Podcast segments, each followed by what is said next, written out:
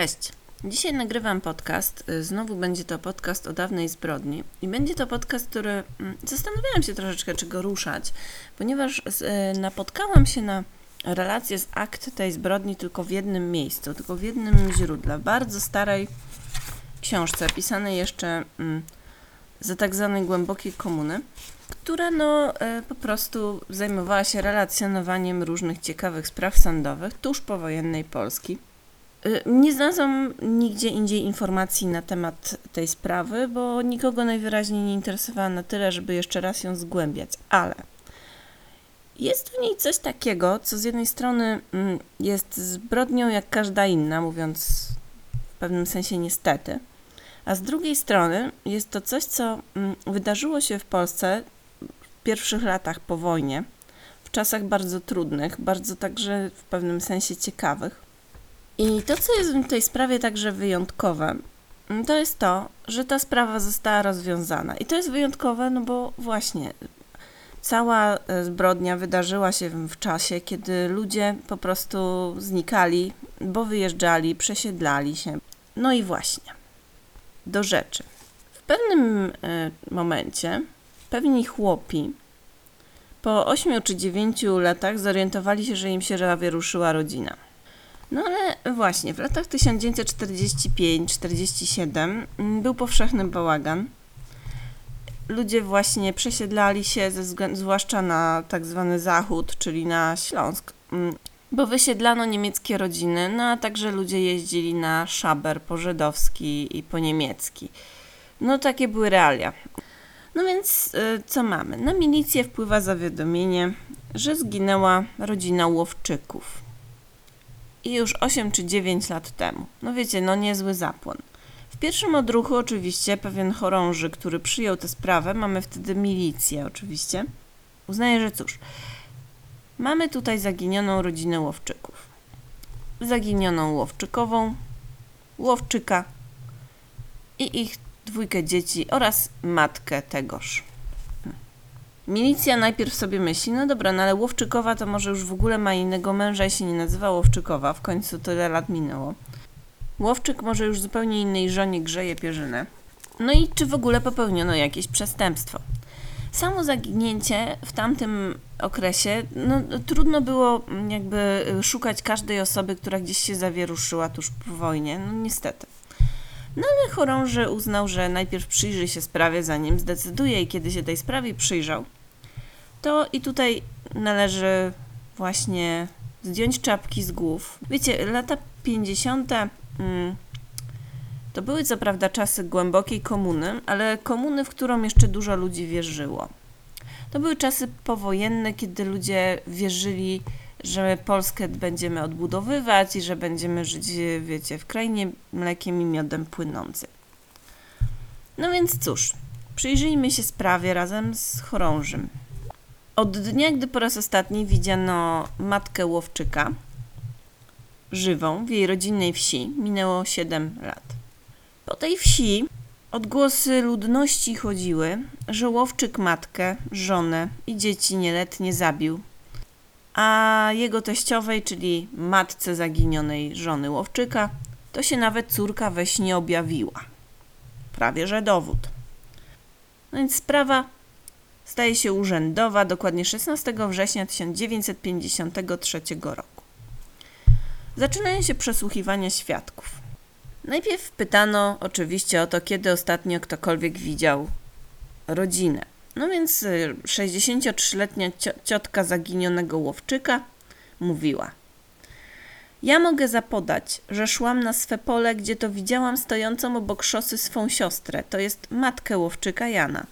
Była ubrana oraz miała spakowaną pościel w pakunku i również miała przy sobie walizkę. Ja do niej doszłam i spytałam się jej, co ci to za niedolac, że się w świat wybierasz? Tego dnia był to jeden z październikowych dni roku 1945. Widziałam siostrę po raz ostatni. No więc y, zaczęto spisywać protokoły przesłuchań. Dużo jest takich zupełnie mało istotnych. Część jest podpisana trzema krzyżykami, bo rodzina w części była po prostu niepiśmienna. I faktów było naprawdę niewiele. C czego się dowiedziano? Otóż właśnie w tym październiku 1945 roku 27-letni wtedy Jan Łowczyk wraz ze swoją 50-letnią matką, Marią, ruszył na Dolny Śląsk z Wawrzeńczyc pod Krakowem szukać gospodarki. No ludzie wtedy jeździli właśnie zajmować mienie no, po niemieckie bądź po żydowskie. W tym okresie właśnie ciągnęli na zachód i prawdę mówiąc Łowczyk z matką ciągnął głównie na szaber. Była to dla nich wielka wyprawa. Nam się z dzisiejszej perspektywy nie wydaje to tak daleko, ale z tamtejszej, e, zwłaszcza z perspektywy biednych ludzi e, z powojennej polskiej wsi, no to była wielka wyprawa, więc stara Łowczykowa, matka Jana Łowczyka, sprzedała co miała, zapakowała w węzełek i razem z synem ruszyła na zachód. Były czasy niepewne, karabin pod strzechą często był i było wiadomo, że Łowczyk miał swój urzyn z kilkoma nabojami, który też wziął ze sobą i pojechał z matką. Jednak ku zdumieniu całej rodziny, po trzech tygodniach Łowczyk wrócił do wsi, do Wawrzeńczyc. Wszyscy byli ciekawi, co tam się wydarzyło, gdzie matka, ale on zbywał trochę pytania, powiedział, że się z matką pokłócił i zostawił ją na zachodzie. Rodzina się temu nie dziwiła, bo podobno syn z matką się żarł bez przerwy. Skakali sobie ciągle do oczu, no więc, no wiecie, to była akurat wersja bardzo prawdopodobna. No a jego matka, no przypominam, to nie była bardzo stara kobieta, tylko to była pięćdziesięcioletnia, bardzo podobno obrotna i zdolna baba, więc też się nikt nie martwił, że została sama, no bo to nie była żadna tam y, zagubiona łania. No więc Łowczyk siedzi w tej wsi z powrotem rodzinnej. Pod, zima mija, Łowczyk pił podobno dużo, co nikogo nie dziwiło, bo wtedy wszyscy pili.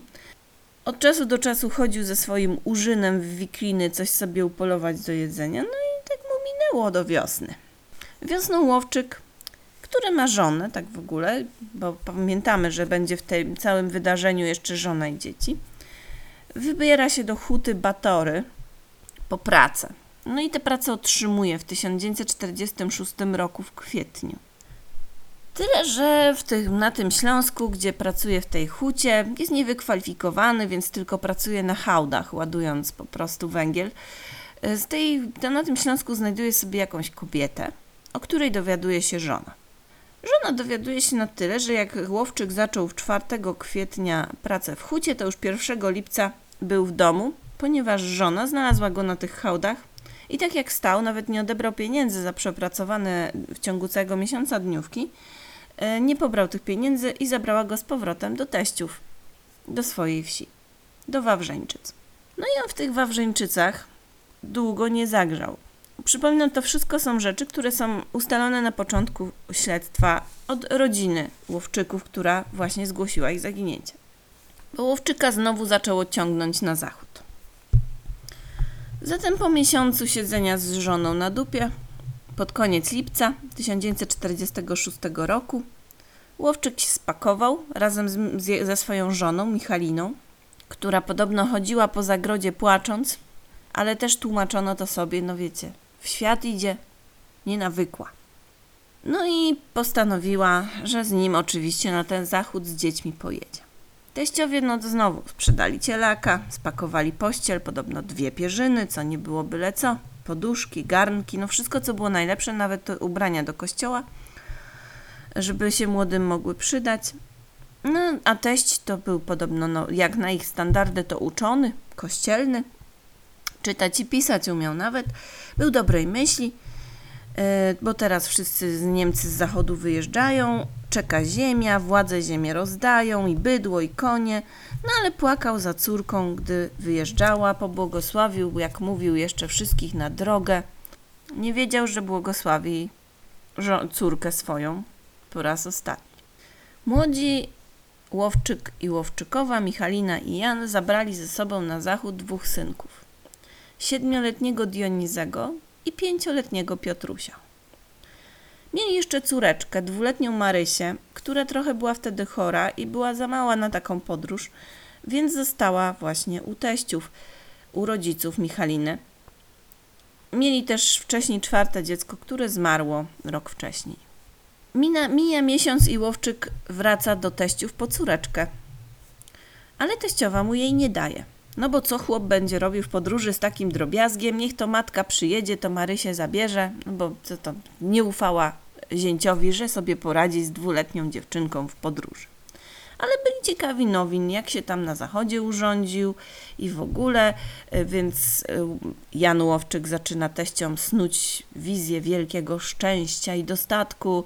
Obiecuje, że ich nie zabierze do siebie, jak się tylko urządzą.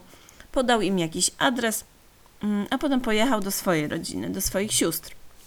Tam długo nie siedział, ale parę dni został. No i te siostry coś tam pamiętały z tego pobytu Łowczyka kolejnego, że raz po pijanemu siostrze odburknął, że jest teraz wdowcem, a następnego dnia wyjaśnił, że to tylko tak mu się po pijanemu powiedziało, że żona na żołądek jest w szpitalu, więc on w każdej chwili może zostać wdowcem. No to się wszyscy troszeczkę przestraszyli, że może by pojechać z nim, dziećmi się zająć, chorą odwiedzić, ale odpowiadał coś niecoś wymijająco. Coś kręcił z adresem, a potem nagle wyjechał i tyle go widzieli. Rodzina najpierw, e, jak mówili, żałowali, że proszę, tacy niewdzięczni, że jak było im źle, to do rodziny drogę umieli znaleźć, nie? A jak im lepiej, to nawet listu nie napiszą. No ale w końcu zajęli się swoim życiem. To nie jest tak, że mogli w każdej chwili zadzwonić. Słali listy, ale listy wracały. No wiecie, to też nie było niezwykłe, że listy wracały. Prawdziwie się zaniepokoili rok później, w czerwcu 1947 roku. Dzieciaki wracające do Wawrzeńczyc autobusem z wycieczki, dzieciaki z rodziny po prostu, opowiedziały, że jakaś pani kazała im powiadomić teściów Jakubowskich, rodziców Michaliny, że Łowczyk matkę, żonę i dzieci zabił. No, dziwna ta wieść. Od jakiejś obcej osoby w autobusie. Do tej pory nie wiadomo, co to była za osoba. No ale rodzina wpadła w popłoch. Napisała kolejny list pod ten stary adres. Kolejny list wrócił z adnotacją adresat nieznany. No więc e, mama Michaliny, teściowa Łowczyka, ze szwagrem Łowczyka, pojechali do Jeleniej Góry, bo tam gdzieś był podany e, adres. Chodzili po urzędach, szukali w biurze adresowym, no ale nikt o Łowczykach nic nie wiedział. I wtedy poszli też na milicję. No ale milicja wiele nie zrobiła. Aż do tego kolejnego 1953 roku, kiedy za sprawę wziął się chorąży, o którym mówiłam na początku. No więc, e, co wtedy ustalono? Poprzez główne biuro adresowe w Warszawie, bo takowe istniało, ustalono, że nie ma żadnych informacji na temat istnienia Marii Łowczyk, czyli tej matki Łowczyka, czy Michaliny Łowczyk, jego żony. A stwierdzono to na takiej podstawie, że w latach 1950-53 nigdy nie wydano takim osobom dowodów osobistych, a wtedy właśnie wydawano do, dowody, bo zaczęły one być obowiązkowe. Nie, był, nie figurowały też te osoby w żadnym spisie, spisie ludności w kraju. Te osoby, czyli Maria i Michalina, matka Łowczyka i żona Łowczyka, bo okazało się, że Jan Łowczyk, a i owszem, dowód odebrał. Ustalono, że Łowczyk dowód odebrał w powiecie świdnickim, bo tam wydała mu komenda powiatowa dowód osobisty z adnotacją, iż mieszka on w Żarowie. No to wiecie, mamy już od czego zacząć. Dowiedziano się także, że w latach 1948-1949 trzy razy był karany z więzieniem. A 13 października 1953 roku, kiedy sprawa właśnie ruszyła z kopyta Łowczyka, wezwano na posterunek w Żarowie, skoro mieszkał tamże. Yy, no i on się na ten posterunek, słuchajcie, stawił. Zapytano go o losy rodziny, a on powiedział, że rodzinę to zostawił we Wrocławiu i tyle. No, wiecie, na razie nie ma żadnych podstaw, żeby mu nie wierzyć. Zwolniono go i tego samego jeszcze dnia on udał się do mieszkania swojej kochanki, Maria Kurka się nazywała, z którą mieszkał. To również nie było zabronione. Mieszkał z tą Marią Kurką od 1947 roku, czyli wiecie, no niemalże od czasu zaginięcia rodziny.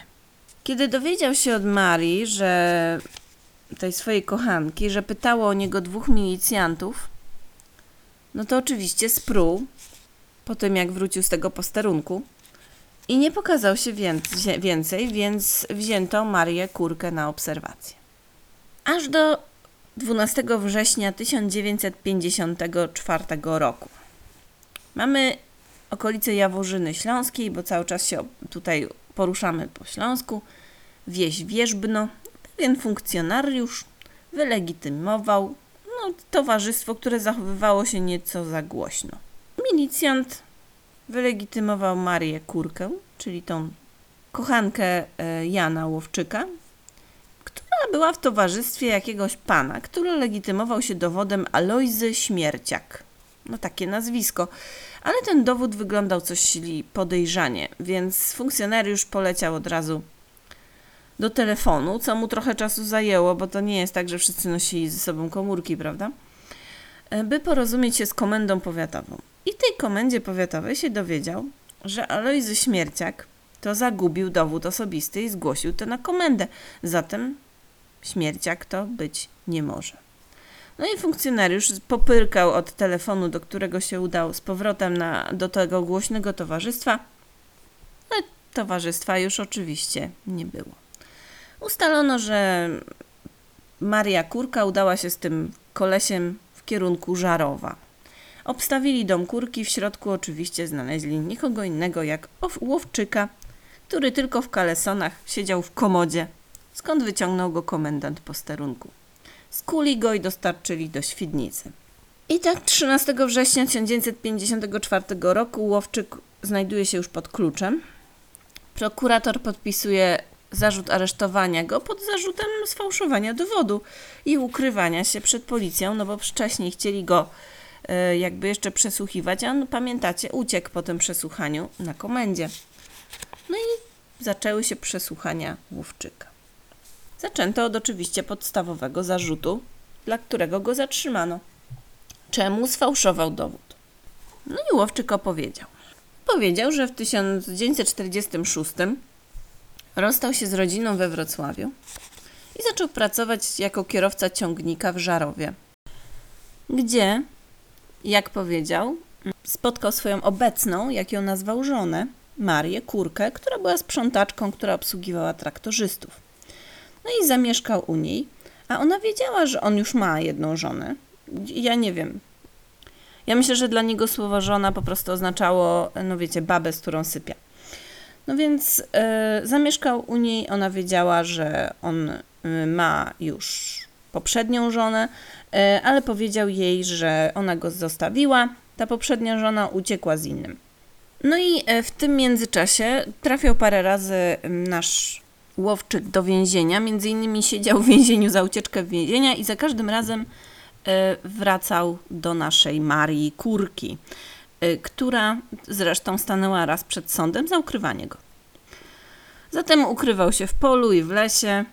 I jeśli chodzi o ten zaginiony dowód osobisty, no to któregoś dnia odważył się wejść do jakiegoś mieszkania, aby poprosić o szklankę wody. I tam gospodarz, właśnie Alojzy Śmierciak, którego dowód później ukradnie, nie tylko dał mu wody, ale też pozwolił mu przenocować.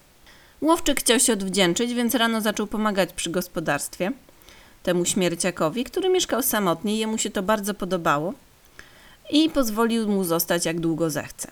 Jak mówił sam śmierciak potem na zeznaniach. Kobietę mi zastępował. W gospodarstwie pomagał, strawę gotował i tak już zostało. No to urocze.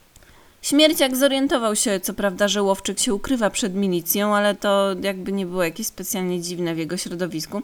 A milicja tak scharakteryzowała śmierciaka w sposób bardzo specyficzny dla danej epoki. Musimy wziąć to w duży nawias, ponieważ no, to były czasy PGR-ów.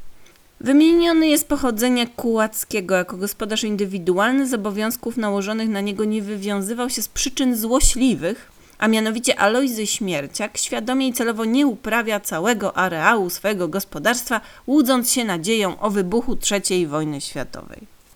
No i widzicie, milicja z powodów powiedzmy ustrojowych Śmierciaka także nie lubiła. No w każdym razie Łowczyk u Śmierciaka mieszkał 4 miesiące mniej więcej i wtedy właśnie próbował podrobić swój dowód osobisty. To znaczy myślał, że po prostu na swoim dowodzie osobistym e, piórem, no bo wtedy te dowody były wypisywane po prostu ręcznie, wypisze inne nazwisko.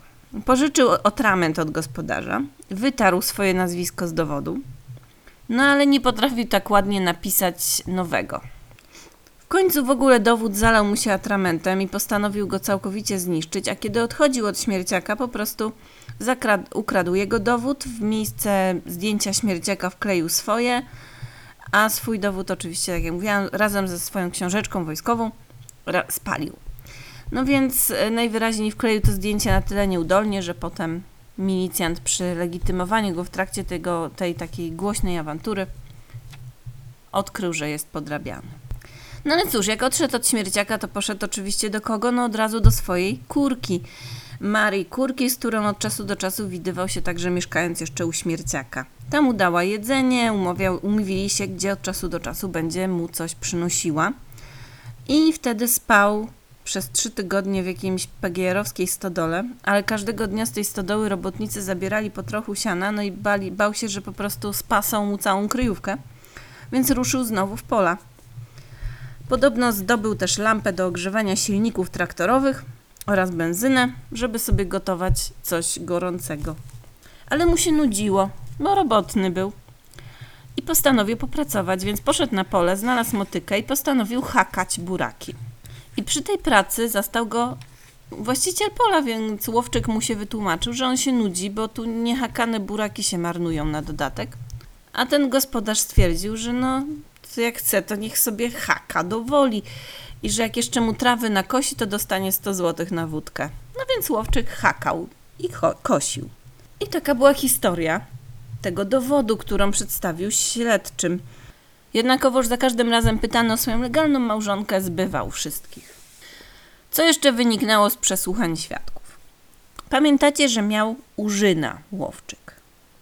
No więc Łowczyk miał Urzyna, z którym polował, jak jeszcze mieszkał u teściów.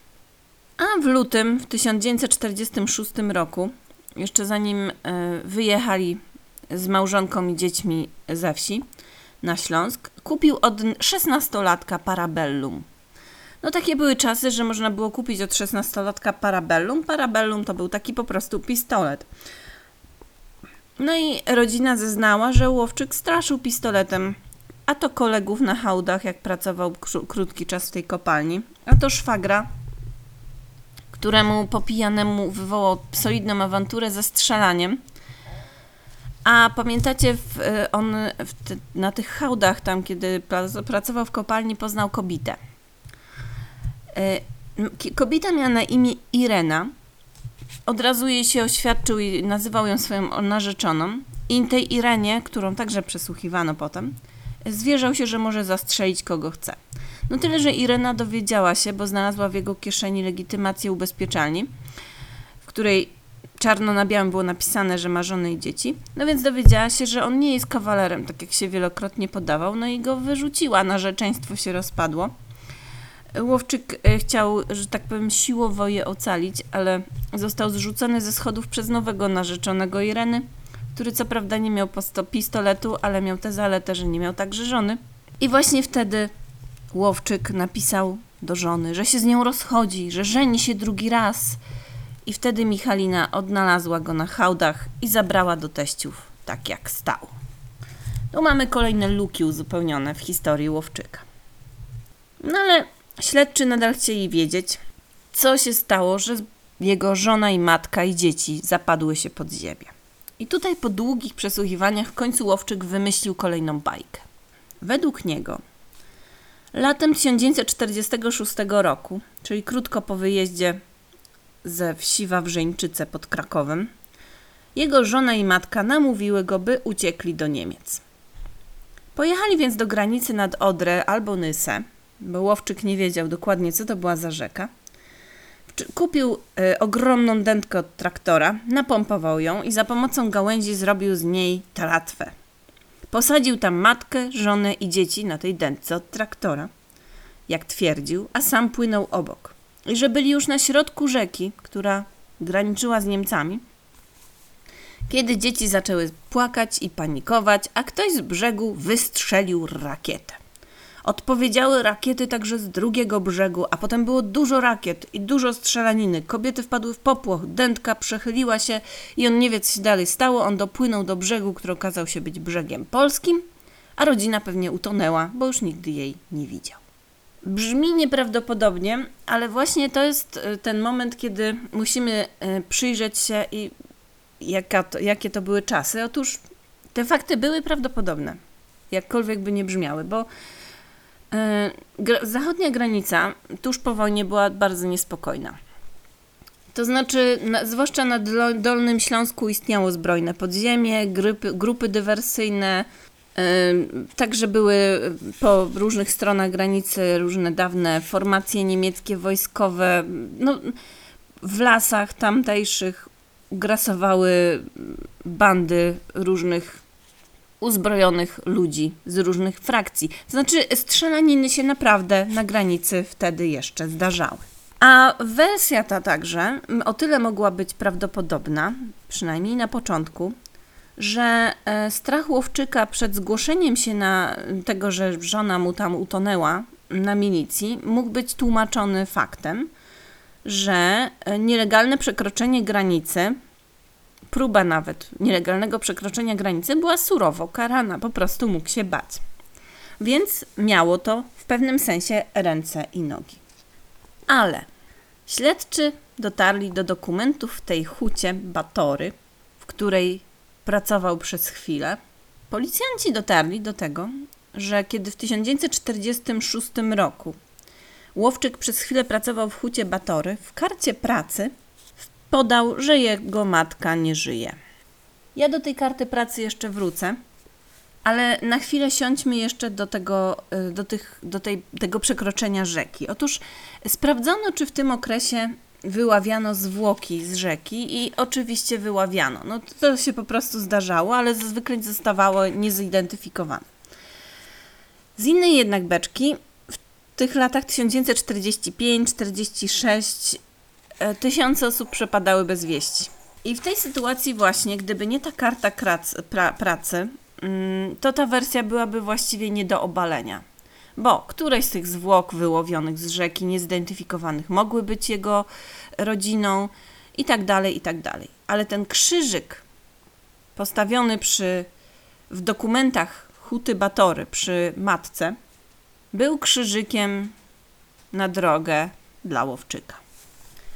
Śledczy pokazali mu ten dokument i Łowczyk, no taki bystry to najwyraźniej nie był, żeby w tym momencie skłamać, zamiast powiedzieć, że a powiedział cokolwiek, bo nie chciał, żeby, nie wiem, matka się dowiedziała, gdzie pracuje, cokolwiek mógł powiedzieć, że skłamał. Ale nie, kiedy pokazano mu ten dokument, to Łowczyk zbladł no, ten widok, zaczął się trząść i płakać. I był na tyle w szoku, że postanowił wyznać całą prawdę. A była to prawda ponura. I teraz znowu wracamy do początku tej historii.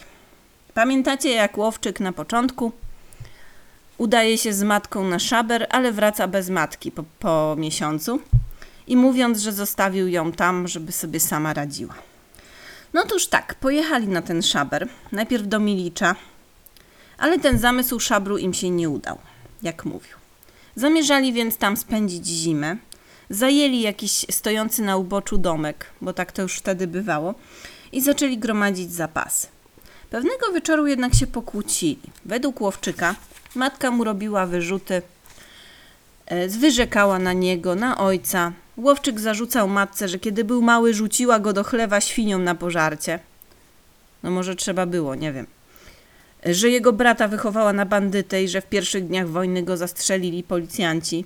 No, wyciągnęli sobie wszystkie rzeczy, prawdopodobnie po wódce, do dziesięciu pokoleń wstecz. No i w pewnym momencie Łowczyk się tak wkurzył, tak się wkurzył, że albo krzyknął, albo ciebie, albo mnie szlak trafi. I wyciągnął ten urzyn, którego miał, ten karabinek i strzelił do matki. Podobno przewróciła się bez jęku, nawet nie podszedł do niej sprawdzić, czy żyje, położył się w drugim końcu pokoju i zasnął. No trzeba mieć nieźle w czubie, żeby do czegoś takiego doszło. W każdym razie rano dopiero podobno zobaczył, że matka się nie ruszał, więc co zrobił? Zawinął ją w pierzynę, zniósł schodach na parter, później do piwnicy, w której gromadzili ziemniaki na zimę Po, odgarnął te ziemniaki, położył matkę i przysypiał, przysypał ziemniakami. No i potem wrócił do Wawrzeńczyc. Zabrał matce te pieniądze, które ona miała za, za sprzedanie różnych rzeczy, żeby mogli wyjechać na ten szaber. Trochę wydał na wódkę, trochę na ubranie. W Wawrzyńczycach unikał rozmów na temat matki, ale pewnego dnia, koło świąt Bożego Narodzenia, wrócił do domu pijany. Jak widzimy, jest to już pewien, e, pewien schemat. I w czasie kłótni z żoną powiedział jej, że zabił matkę i że ją też może zabić. Jego żona Michalina była przerażona, ale nic nikomu nie powiedziała. E, I mm, on co prawda następnego dnia zaprzeczył, że to tylko po pijaku coś wymyślił, ale Michalina już mu nie wierzyła. I właśnie to, ta tajemnica pozwoliła jej, że w lipcu 1946 roku zmusić go, by rzucił robotę w tej hucie Batory, na tych hałdach, by rzucił tę Irenę, narzeczoną, i kolegów, i potulnie poszedł za nią, nie odbierając nawet swojej pensji. I także ta tajemnica sprawiła, że tak się spieszył, by znowu wyjechać z żoną i dziećmi na zachód, by ta się nikomu nie wygadała. Postanowił wywieźć żonę możliwie jak najdalej od domu, by ją zabić. Zanim ktokolwiek zdąży się dowiedzieć o tym, jak on zabił własną matkę. No i pojechali. Pamiętacie, mm, tatuś Michaliny yy, i dzieciaków pobłogosławił ją krzyżykiem na drogę. Po długiej podróży wysiedli na dworcu w Jeleniej Górze. Łowczyk miał już plan. Postanowił poczekać do zmroku, a ponieważ przyjechali do tej Jeleniej Góry rano, to żonie powiedział, że czekają na konie, które po nich przyjadą, więc sobie siądą na wzgórzu naprzeciw dworca, zjedzą i będą czekać na konie. Zrobił się wieczór, konie nie przyjeżdżały. Powiedział więc żonie, że chyba furmanka się nie stawi, więc muszą iść pieszo. Zostawili bagaże u jakiejś Niemki. Dzieci były już zmęczone, bo było z nim przecież dwóch chłopców, siedmiu i pięcioletni.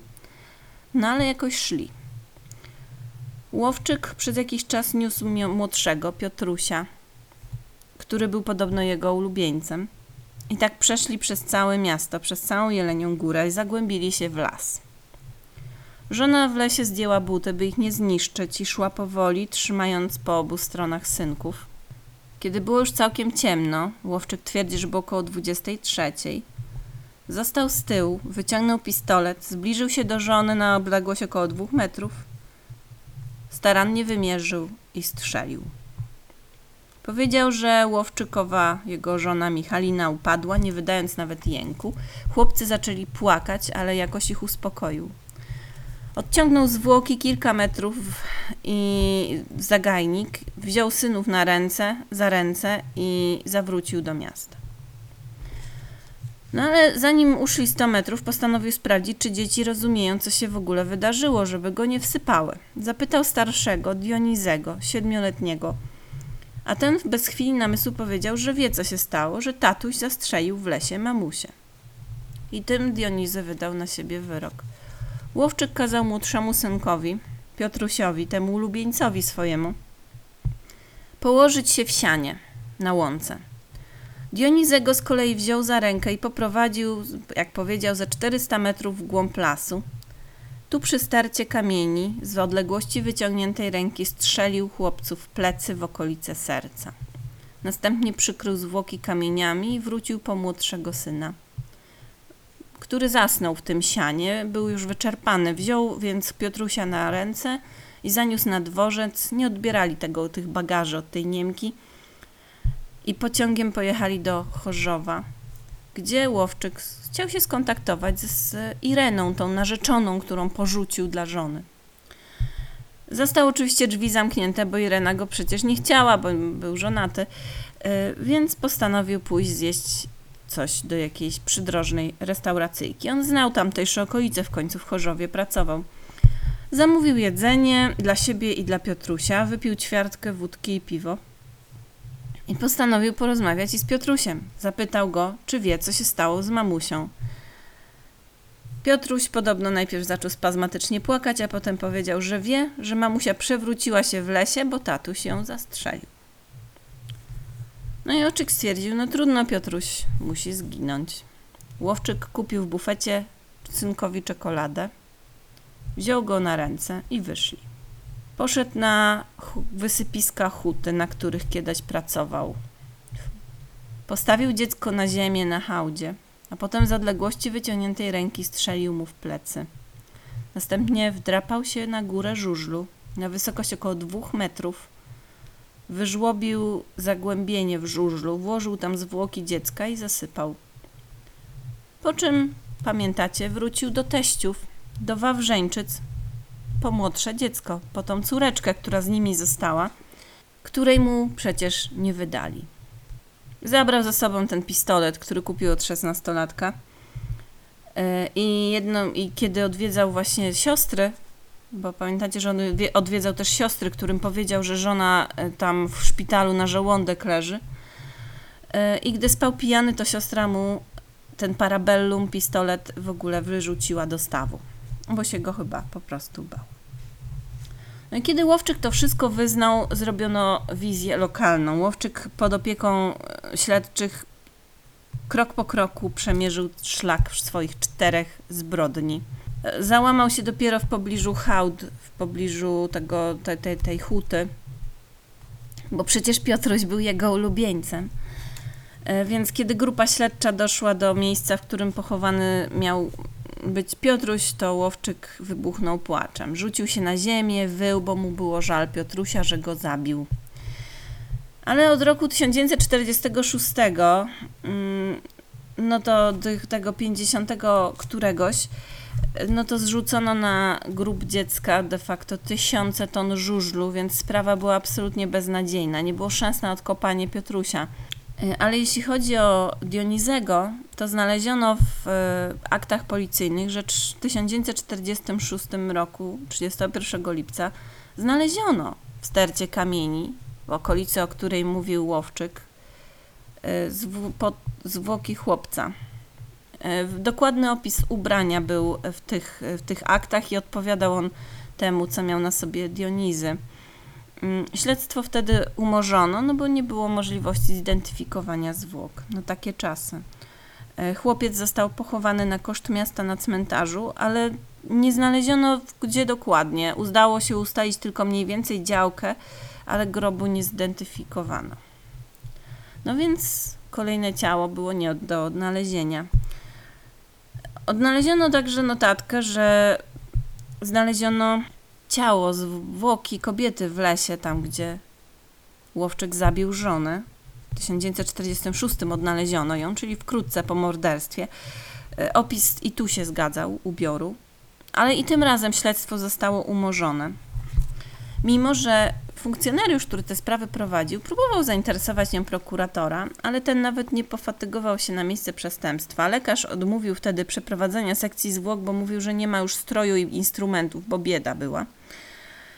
Yy, I jej grobu również nie odnaleziono. Została pochowana na koszt państwa, ale nikt nie wiedział gdzie.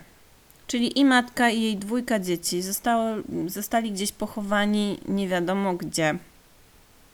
No i już nigdy się oczywiście tego nie dowiemy. No więc pozostała jeszcze jedna tylko szansa na zdobycie dowodów prze- przestępstwa, mianowicie zwłok, czyli zostało jeszcze zwłoki matki Łowczyka, którą porzucił w tej piwnicy pod kartoflami. No i okazało się, że owszem, w 1945 znaleziono w piwnicy w tamtej okolicy zwłoki i pochowano je w pobliskim parku.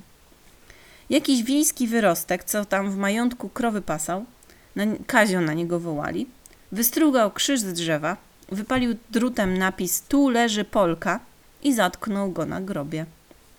Kazia już od, Ka, Kazia odszukano, no już urósł Kazio, ale nie można było znaleźć miejsca dokładnego, gdzie stał ten krzyż, ponieważ krzyż stał tylko do roku 1950, a potem spróchniał. W międzyczasie na dodatek, przy różnych okazjach, a to wyrębu drzewa, to przepędzania bydła, krzyż się przewracał, którego znów stawiano, ale nie, niekoniecznie w tym samym miejscu, w którym się przewrócił.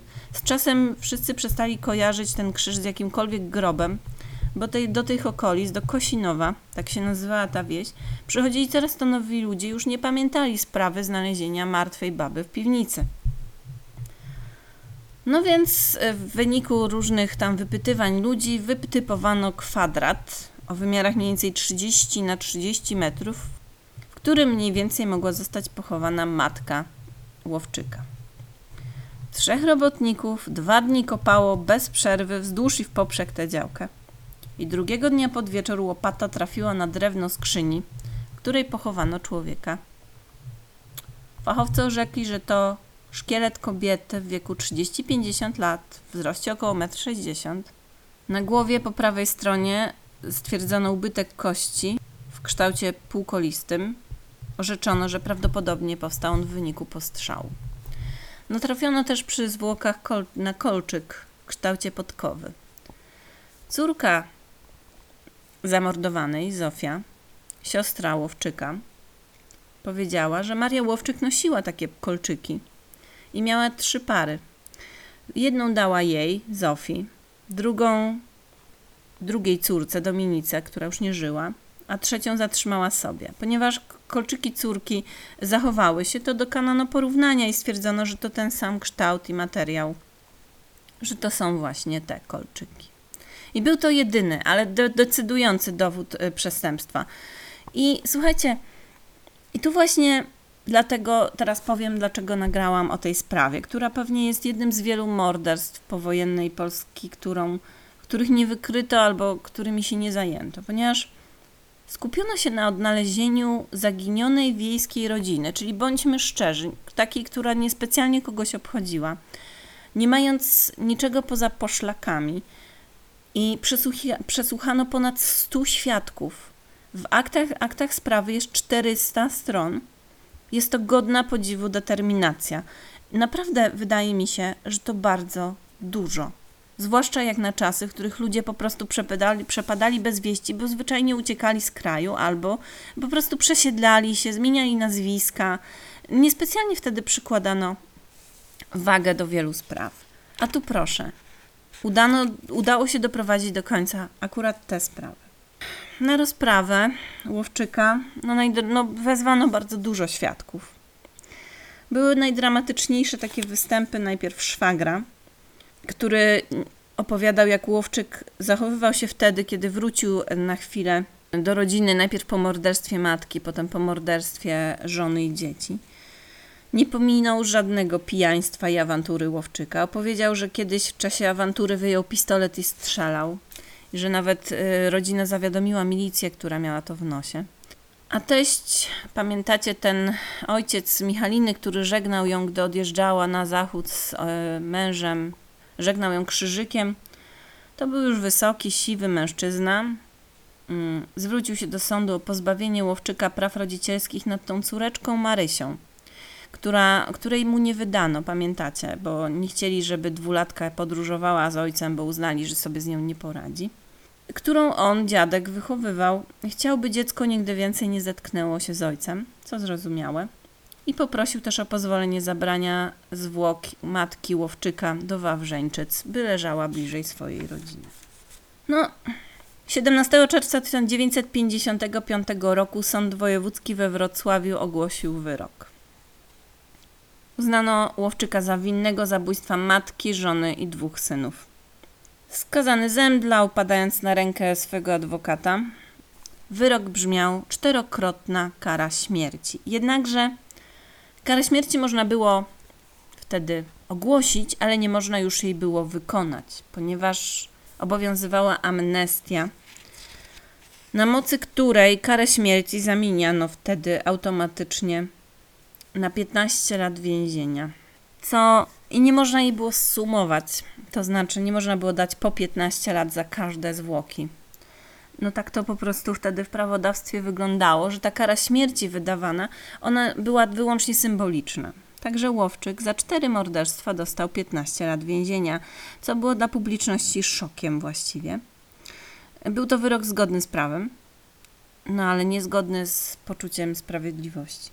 I słuchajcie, o godzinie 15 dnia 26 sierpnia 1968 roku Jan Łowczyk po odbyciu zasądzonej mu kary opuścił więzienie.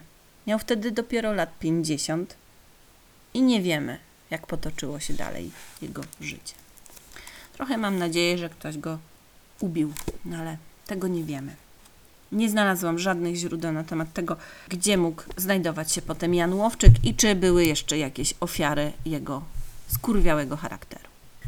I to tyle na dzisiaj. Ja wiem, że taki kryminałek troszeczkę mm, mało znany, troszeczkę może mało sensacyjny, y, ale dziejący się w bardzo ciekawej epoce, na dodatek wyjątkowo dobrze rozwiązana sprawa. Myślę, że bardzo wielu śledczych i dzisiaj mogłoby nie mieć w sobie takiej determinacji, zważywszy zwłaszcza na okoliczności epokowe, powiedzmy. Także to tyle na dzisiaj. Do usłyszenia.